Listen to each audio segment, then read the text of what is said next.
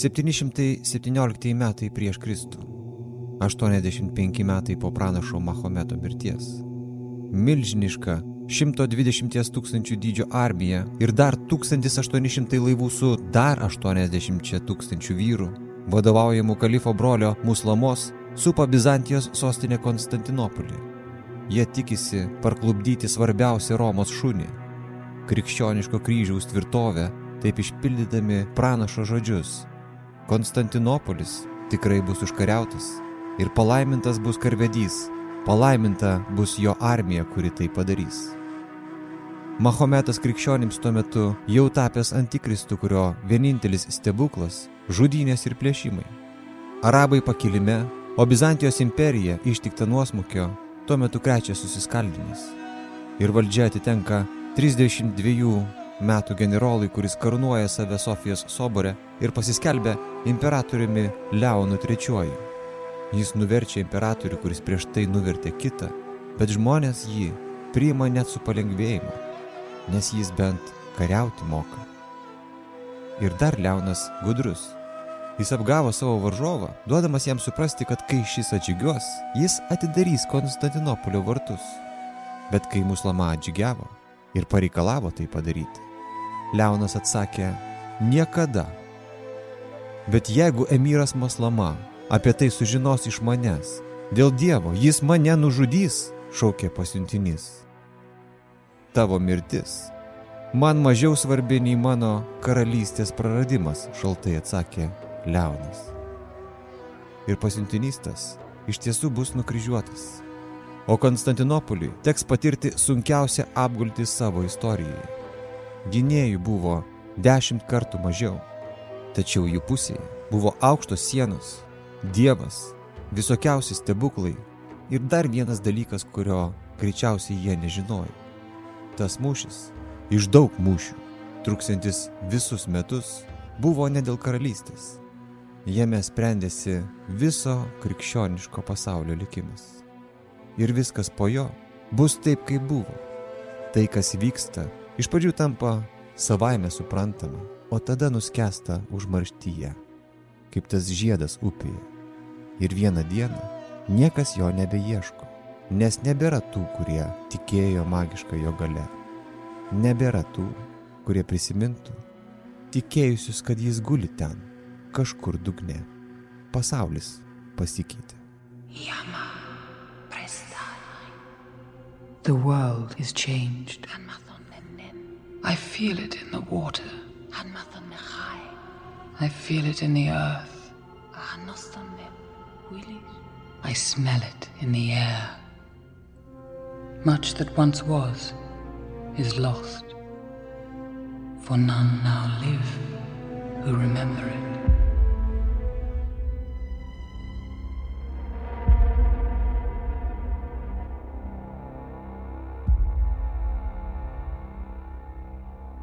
Begalybės veidrodyje šį kartą apie pamirštas istorijas.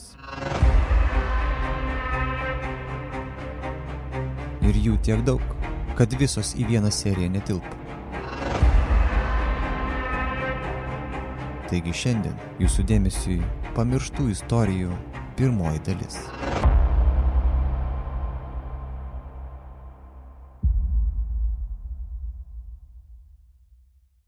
Aštuoni šimtai dvidešimt aštuntieji metai po Kristaus. Iš Guandžių uosto Kinijoje išplaukė prekybinis laivas, pastatytas Persijoje iš Afrikos raudonmedžio, Indijos tikmečio ir suraišytas Malajų virvėmis. Jame 60 tūkstančių keramikos plitelių, 18 sidabro luitų, aukso papuošalai, 55 tūkstančiai glazūruotų indų, 915 indų su prieskoniais, 1635 asočiai papuošti lotosais budistams arba geometrinėmis figūromis musulmonams. Ir dar jame 763 rašalinės. Deja, tos rašalinės, kaip ir visa kita, savo adresatų nepasiekė. Laivas nuskendo prie Javos krantų, kur jo nuolaužos buvo aptiktos tik tai 1998 metais, tai yra po daugiau nei tūkstančio metų. Tikslas, kurio laivas taip ir nepasiekė, buvo Arabų imperijos sostinė, šviesos miestas Bagdadas, vienas turtingiausių miestų pasaulyje. Todėl gerybės į jį plūsta iš viso pasaulio karavanais, laivais. Šilko kelias driekėsi ne tik tai sausumo, bet ir jūromis.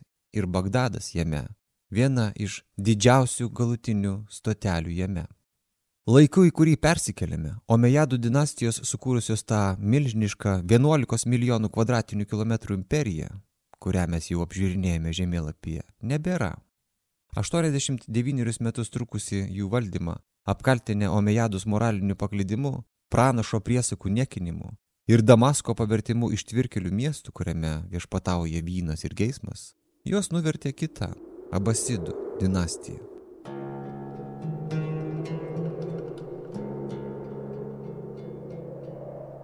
Abasidai valdžioje 50 metų, bet Arabų kalifato imperija klesti jau antras šimtmetis ir atrodo, kad ji pavargo pati nuo savęs. Ambicijų karštis, su kuriuo Omejadai plėtė imperiją, atvėso. Islamas iš esmės pasiekė savo išorinės sienas ir jų imperijos plėtrą ėmė keisti rūpestis ekonomika.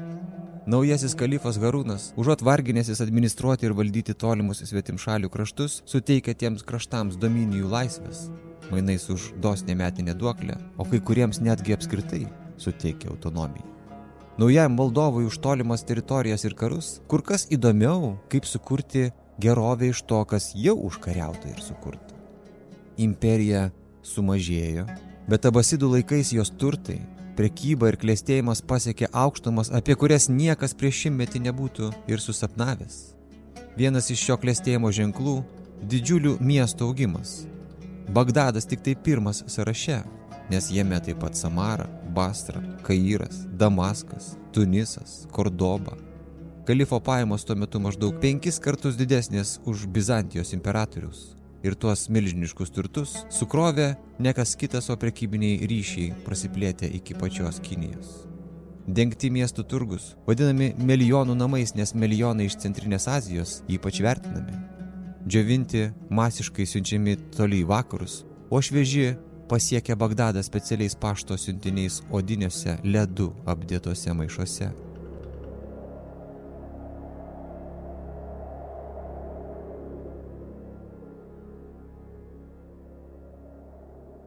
Ekonominis augimas išjudino viską. Žemdirbystė ir pramonė, geležies, medžio, tekstilės, lino, šilko, medvilnės, Vilnos apdirbimą, didžiulių medvilnės laukų rytuose atsiradimą. Garsus tapo Buharos, Armenijos, Persijos kilimai.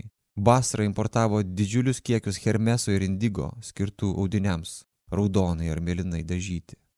Iš Kinijos keliauja šilkas ir porcelianas, iš Indijos rubinai, dažai, juodmedis, sidabras, prieskoniai, iš Persijos įlankos ir Afrikos kvepalai, auksas, perlai, koralai, taip pat vergai, pastarųjų daug, nes darbo jėgos trūksta. Bet to turtingas islamo pasaulis gali mokėti daug brangiau negu kiti. Arabų pirkliai yra visur, kur tik tai galima ko nors nusipirkti, iš kur galima ką nors egzotišką parvežti. Arabų imperija ir islamo viešpatystė buvo pirmiausia ekonominė. Ji galėjo dominuoti, nes valdė jūrų ir sausumos kelius. Ji tapo tarsi tarpinių žemynų, sujungiančių kitus žemynus - laivais, karavanais. Nuo Europos iki tolimųjų rytų, nuo Afrikos iki pat Indijos ir Kinijos. Niekas nevyko be islamo pasaulio lyderių sutikimo. Jų įtakos teritorijos tokios didelės, kad atrodė net beribės. Arabų rašytojas Hariris taip prabyla pirklio lūpomis. Noriu persišką šafraną nuvežti į Kiniją, kur jis girdėjau yra brangus. Tada kinišką porcelianą nugabenti į Graikiją, graikišką brokatą į Indiją, indišką plieną į Alepą, Alepo stiklą į Jemeną, o Jemeno dryžuotus audeklus į Persiją. Jūrų kontrolė ir arabų burlaiviai be jokių vinių sukonstruoti iš palmių plaušo virvėmis suraišytų lentų, skrodžiantis tomis jūromis. Vienas iš svarbiausių šio laisvo prekių judėjimo veiksnių. Paprašyti įsivaizduoti ano meto arabo pirklį, turbūt regėtumėm jį šalia kupranugario. Bet legendinis ir narsusis jūrininkas Simbadas buvo iš Bagdado. Miestai, keliai, laivai, karavanai, kelionės į šventasias vietas visa tai sudaro vieną nedalomą sistemą. Tai judėjimo ryšulys, musulmonų gyvenimo jėgos linijos, rašė Louis Masinjonas. Ir turbūt būtų negražu šitoje vietoje neužsiminti apie to meto krovinių vilkikus, kupranugarius, karavanais traukiančius ištobulintais dikumų keliais ir jungiančiais skirtingus kraštus ir žemynus.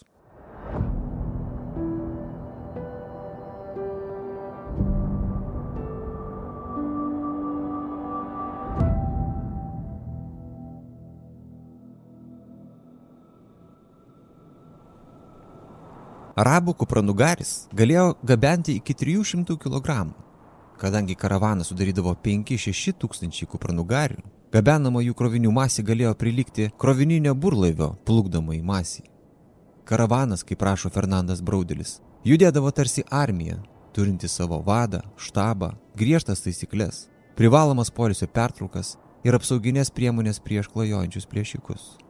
Kelionės metu Karavanas už tiksliai nustatyto atstumo, paprastai dienos kelio, išskyrus kelią pačiame dykumos viduryje, prieidavo didelius statinius, karavansarajus arba hanus, kuriuose galėdavo įkurdinti bent dalį savo gyvulių ir žmonių.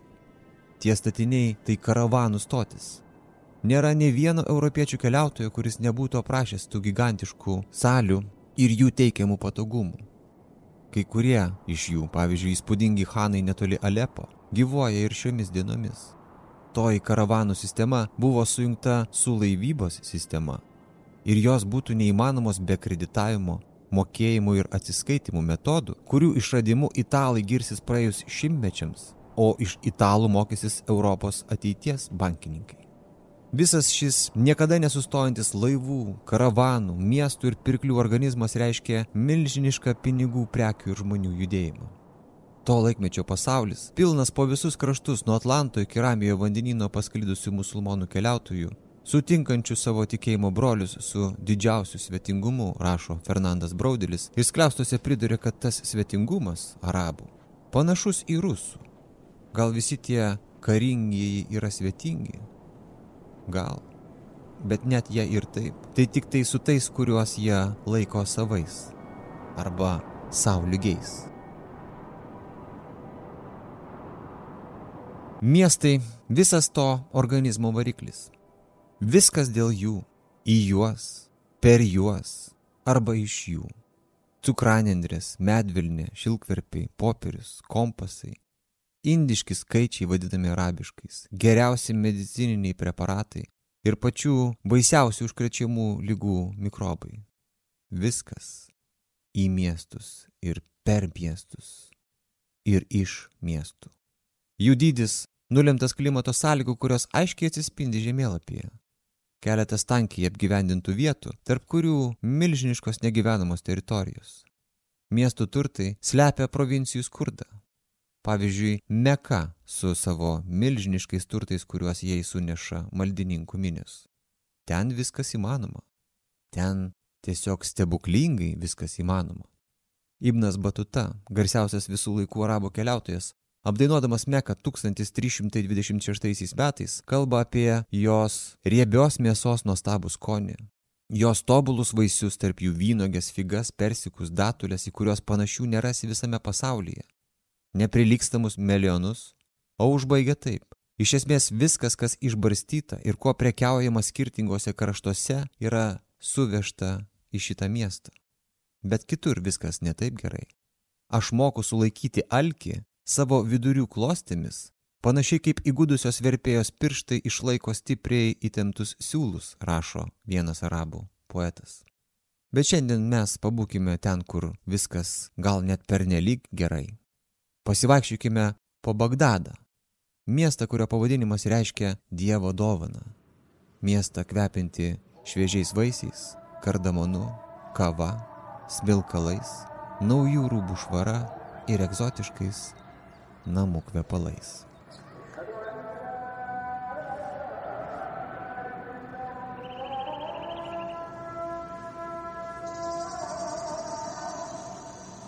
Bagdadas tai naujoji imperijos sostinė pakeitusi ištvirkusi Damaską. Centre tarp Arabijos, Egipto ir Sirijos iš vienos pusės Persijos, Vidurio Azijos ir Indijos iš kitos. Bet toli nuo Šiaurės Afrikos ir užkariautos Ispanijos. Todėl šitas sostinės perkelimas didelė dalimi lems Arabų imperijos, o kartu ir viso islamo pasaulio orientalizmą. Bagdadas 8-9 amžių sandūroje, vienas turtingiausių pasaulio miestų, su kurio prabanga ir tviskesiu, galėjo varžytis nebent Konstantinopolis. Miestas, į kurį iš viso pasaulio plūsta turtai, o kalifai juos dosniai leidžia rūmams, mečetėms, mokykloms, modernioms ligoninėms, sodams, viešiesiems fontanams. Bagdadas tuo metu prabangių pirčių, perpildytų turgavičių ir tolerancijos miestas, kuriame knipžda įvairiausių tautų, religijų ir kultūrų žmonės paklūstantis megapolio šurmulio upiai, priverčiančiai visus plaukti pasroviui. Centrinis miesto statinys – didžioji mečetė, kurios link viskas plūsta ir nuo kurios viskas atslūksta, lyg ji širdis būtų, rašė vienas poetas. Kaiminystėje bazaras, turgus, prekybininkų kvartalas su krautuvėlėmis ir karavansarajais, prekių sandėliais ir viešosiomis pirtimis – apie dalykus vykstančius, kuriuose sklando visokiausi gandai, bet be jų miestas jau neįsivaizduojamas. Gyvenimas mieste visada mažiau suvaržytas. Ir nors griežti moralistai vis dievagojasi, smerkia ištvirkavimus, jų balsas paskesta minioje. Aplink didžiąją mečetę ratais išsidėstė amatininkai. Arčiausiai įsikūrė kvepalų ir smilkalų pardavėjai, tada eina parduotuvėlės prekiaujančios audeklais ir užtiesalais, papuošalais, tada maisto produktais ir galiausiai įsikūrė netokių kilnių amatų atstovai. Odininkai, batsiuviai, kalviai, puodžiai, šikšniai, dažytojai ir taip toliau. Kai juos prieini, vadinasi atsidūrė miesto pakraštyje.